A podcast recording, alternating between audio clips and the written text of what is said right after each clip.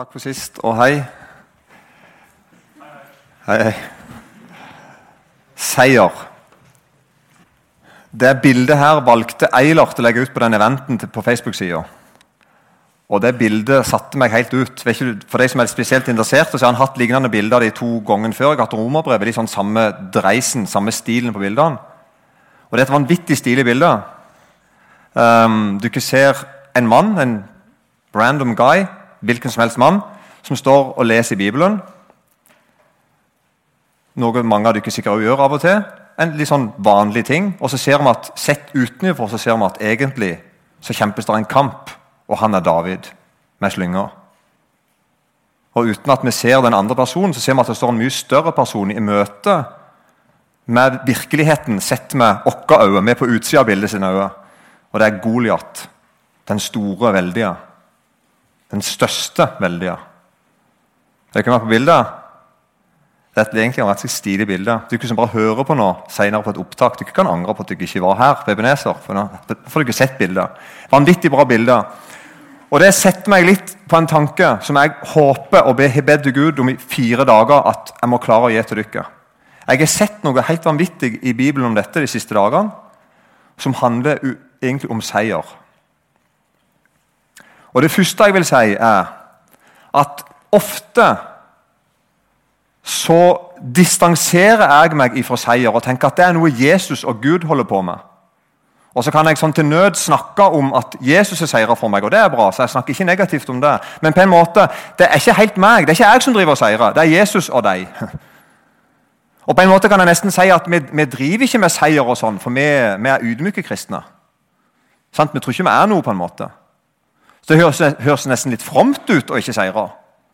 Ikke sant? Vi går ikke høyt ut og sier at vi skal vinne en krig. Nei, nei, nei, nei. Vi er ydmyke. Stiller oss bak der, helt der bak. Og strikker. Eller gjør noe annet. Vi skjønner ikke, dere skjønner bildet. Og så er det på en måte et slags fromhetsideal i det. På en måte så kan det godt være sant, Noen går sikkert på trynet og tenker at de skal seire kamper som ikke er sine. Og så. Men det er noe farlig her. Vi, vi trekker oss ut av, den, av en tanke om at det er en seier. Det har jeg lyst til å minne dere på. Og så er det En annen grunn til at vi ikke snakker så mye om seier. det er jo det at Ofte så opplever vi nederlag. Så det å forkynne om seier kan jo føre til at du blir lei deg og såra og trist og føler at ikke du kan seire. Ikke sant?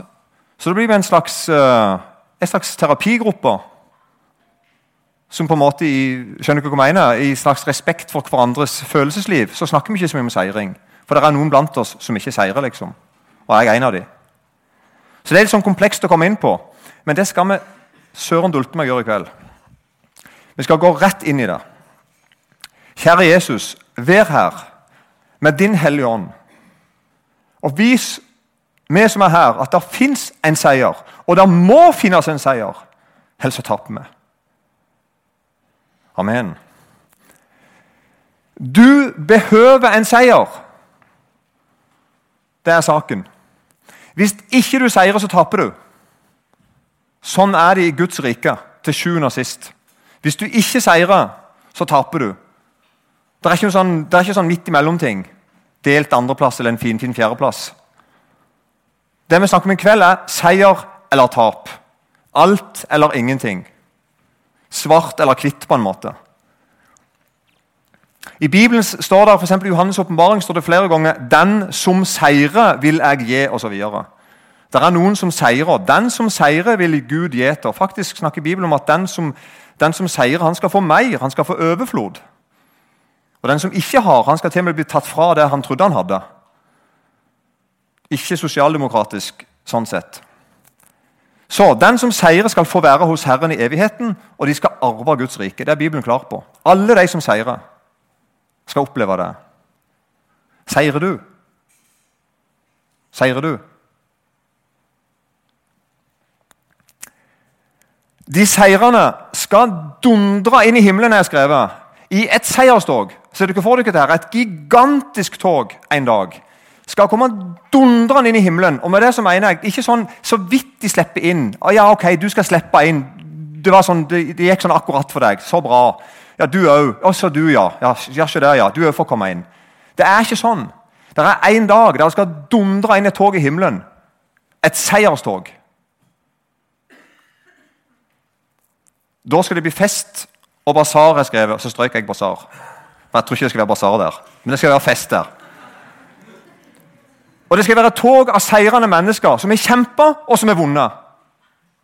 Der er ingen feige der. Der er ingen late der. Bare kjempe. Seirende kjempe. Er du ikke med på dette her? En dag skal dette skje. på en måte. En dag når Gud holder dom, når alt er ferdig. En eller annen gang der. Så skal, så skal alle få sett dette toget. Og Det er det et tog som går på en måte i takt. skulle jeg si. Det er bare det toget. Alle andre er vekke. Det er rett sånn et seierstog. Og Samtidig er det noe rart med dette toget. Hvis vi hadde stått og sett på dette toget, sett utenfra Det er ikke et sånn et cocky tog. Er du ikke med på uttrykket? Altså, Det er ikke sånn et tog der folk er med som høye på seg sjøl, høye på pæra, sjølgode, tøffe i trynet. Det er noe veldig rart med dette seierstoget. når Vi ser de kommer gående. Vi er ikke i tvil om at det er et seierstog. Det skjønner vi på lang vei. Det ser vi på alle måter. Dette er et tog av seirende folk. På alle måter. Det skjønner vi. Men det er likevel noe rart med det. Det, det, det, det er noe rart med seieren deres. Er dere med på dette? her? Ingen er høye på seg sjøl. Ingen er nok med seg sjøl. Ingen skryter av seg sjøl. Det, det, er noe større, noe mer med seieren enn som så. Og Hadde vi sett toget på avstand og vi hadde hatt bry til å snakke med hverandre, det vet jeg ikke om vi hadde da, men ikke med i bildet, så hadde vi, så hadde spurt, hadde vi spurt hverandre hva er det egentlig med seieren deres. Hva er dette her slags folk? Hva er det med denne seieren som jeg ser er deres, men ikke er deres? De synger om en annen. Hvem er disse her? Og det er faktisk sånn at Når vi ser toget her på jord For det toget går her på jord òg. Det dundrer på vei mot himmelen nå òg. Nå er det veldig vanskelig å se det. For det er, det er litt sånn spredt i spredt. Det er én her og én der, og to der og tre der. Og. Så det er veldig vanskelig å få øye på det. Men det er det her nå òg. Det er samme toget. På vei til samme himmelen. Med den samme seieren. Men nå er det ikke sånn, det ser ikke, helt, ser ikke så kult ut alltid. Ser ikke så bra ut alltid. Ser ikke så seiersfullt ut alltid. Vi er på jobb og vi kjemper, noen alene, noen to og to, andre flere. tilsynelatende. Men vi tilhører seierstoget, og vi vet det. Og noen ser oss og lurer på hva vi holder på med. I Salme 40 så står det at David sier at eh, han ropte på Herren, og da hører Herrens hans rop og bønn. og Så steg han ned og løftet han opp fra fordervelsens grunn og satte føttene hans inn på ei klippe. Og Så la han i hans sang en ny sang. Og Så sier David mange skal se det og frykte og sette sin lit til Herren. Det er noe som, er noe som ser ja, Verden ser noe når du går i det toget sammen med Jesus, i det seierstoget. Og de setter sin lit til Herren. Du må få en seier. Du må bli med i seierstoget. I dag ser mange på de kristne og spør om seirer dere eller taper dere. Hva er det dere holder på med for noe? Og mange kristne begynner å lure på det sjøl. Seirer vi eller taper vi? Spørs litt hvor land du bor i, selvfølgelig, og hvor situasjon du er i. I media i Norge ser det ut som at kristne er der fem-seks kristne igjen. De bor sånn innerst i en dal og kan ikke lese og skrive. Ikke sant?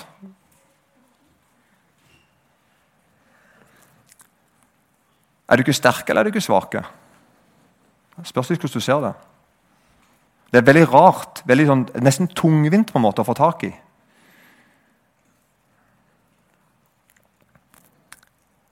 På torsdag jeg tror det var torsdag, jeg har glemt dagen, så fikk jeg et syn.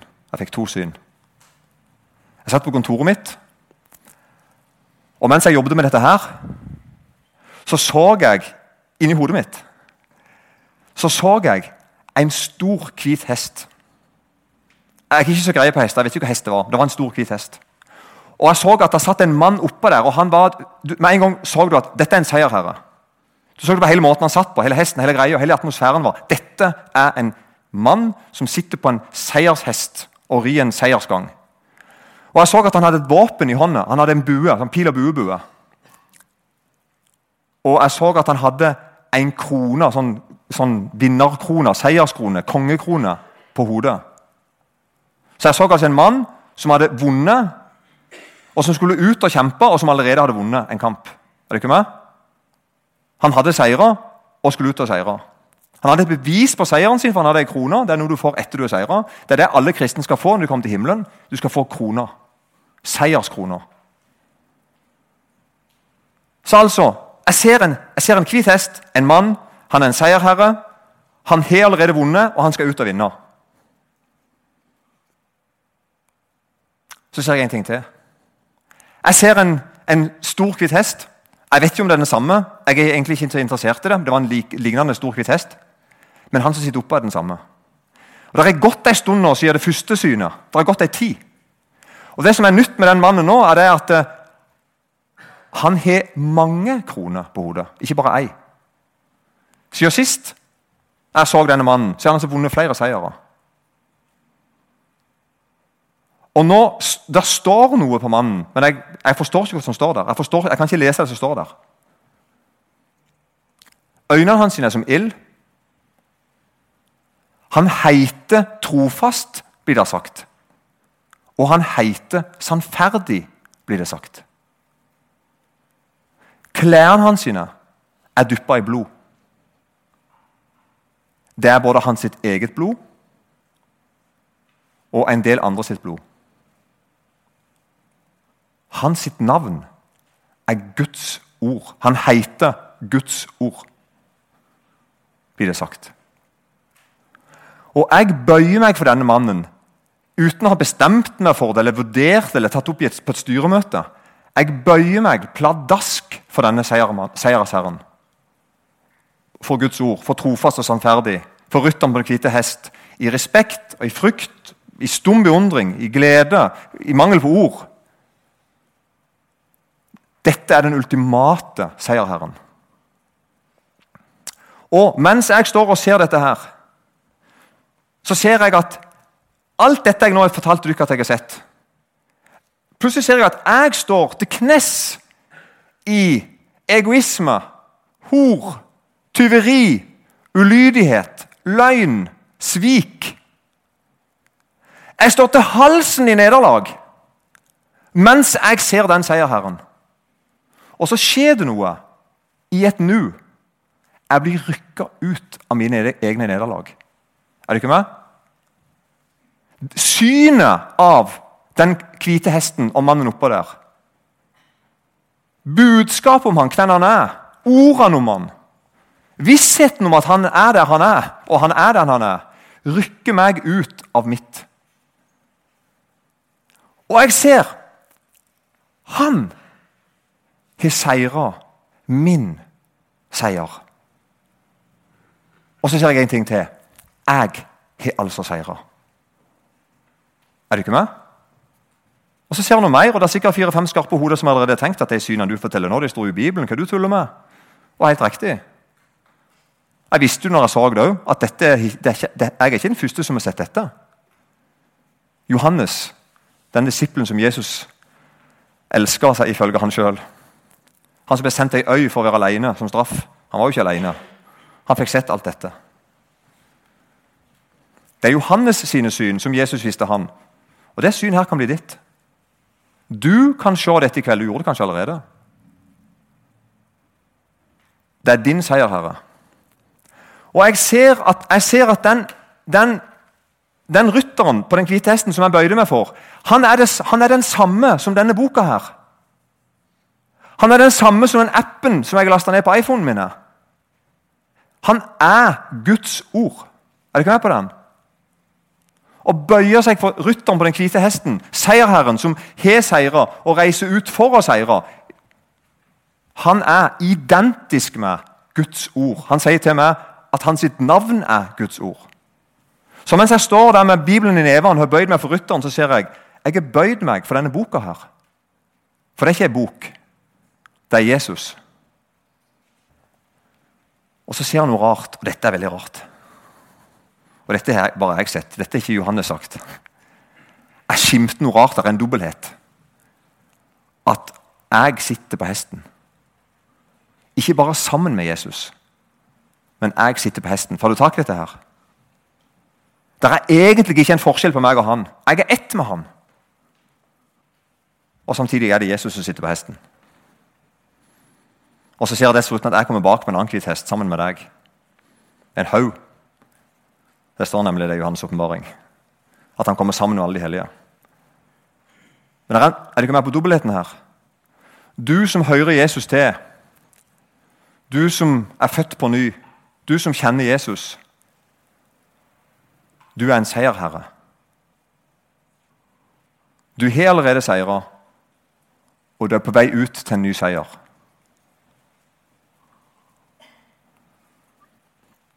Det første synet som jeg snakket om, Johannes' åpenbaring 6.2. Johannes' åpenbaring 6.2. Der sier Johannes sånn, og jeg så og se en hvit hest, og han som satt på den, hadde en bue. Og det ble gitt ham en krone, og han dro ut med seier og for å seire. Dette står ganske tidlig i Johannes' åpenbaring i kapittel 6. I det andre synet det kommer eh, noen kapittel lenger ute, i 19, kapittel 19. Der står det sånn Og jeg så himmelen åpnet, og se, en hvit hest. Og Han som sitter på den, heter trofast og sannferdig, og han dømmer og strider med rettferdighet. Hans øyne er som ildslue. På hans hode er det mange kroner. Han har en innskrift med et navn som ingen kjenner uten han selv. Han har iført en kledning som er dyppet i blod, og hans navn er Guds ord. Hæren i himlene fulgte ham på hvite hester, kledd i fint, hvitt, eh, fint lin, hvitt og rent. Og ut av hans munn går et skarpt sverd for at han skal, eh, med det skal slå hedningefolkene. Og han skal styre dem med jernstav. Han tråkker vinpressen med Guds, den allmektige, strenge, strenge vredes vin. På sin kledning og på sin hofte har han et navn skrevet kongers konge og herrers herre. Jeg skal bare si litt om en ting i vers 13. der. Og Han har iført en kledning som er dyppet i blod, og hans navn er Guds ord. Hvis du slår opp i bibelleksikon eller bibelkommentarer, så diskuteres det på en måte hvem sitt, hvem sitt blod er dette her.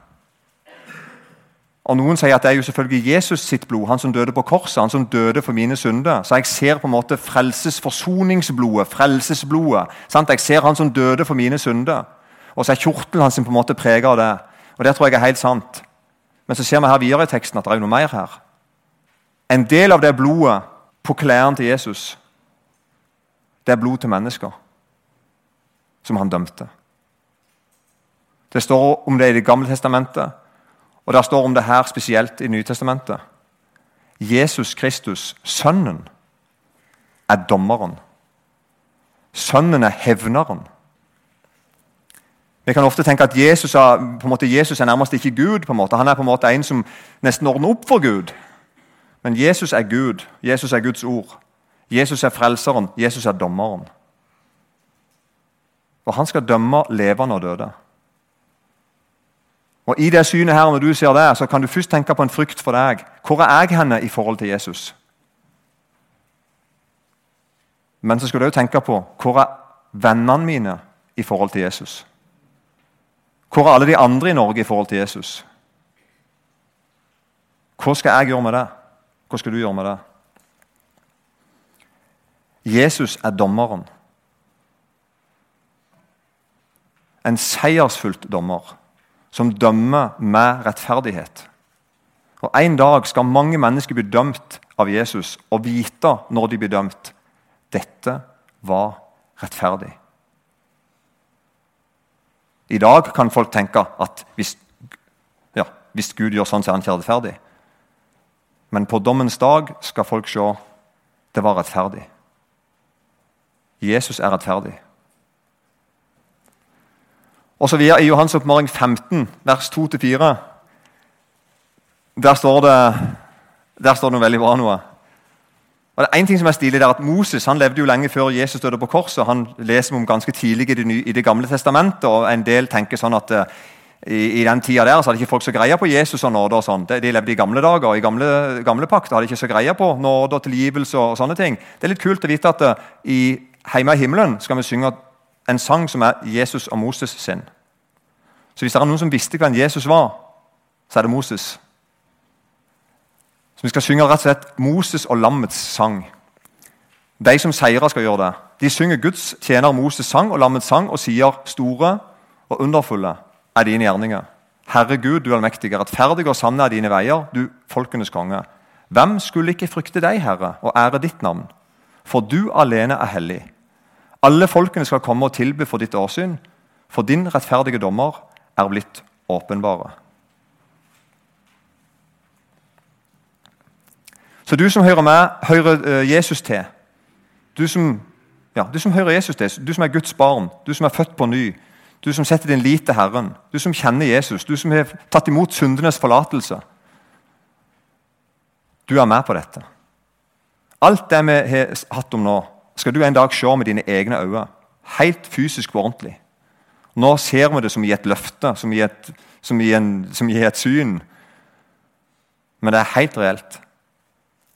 Og Paulus skriver, vet dette, og han forkynner dette.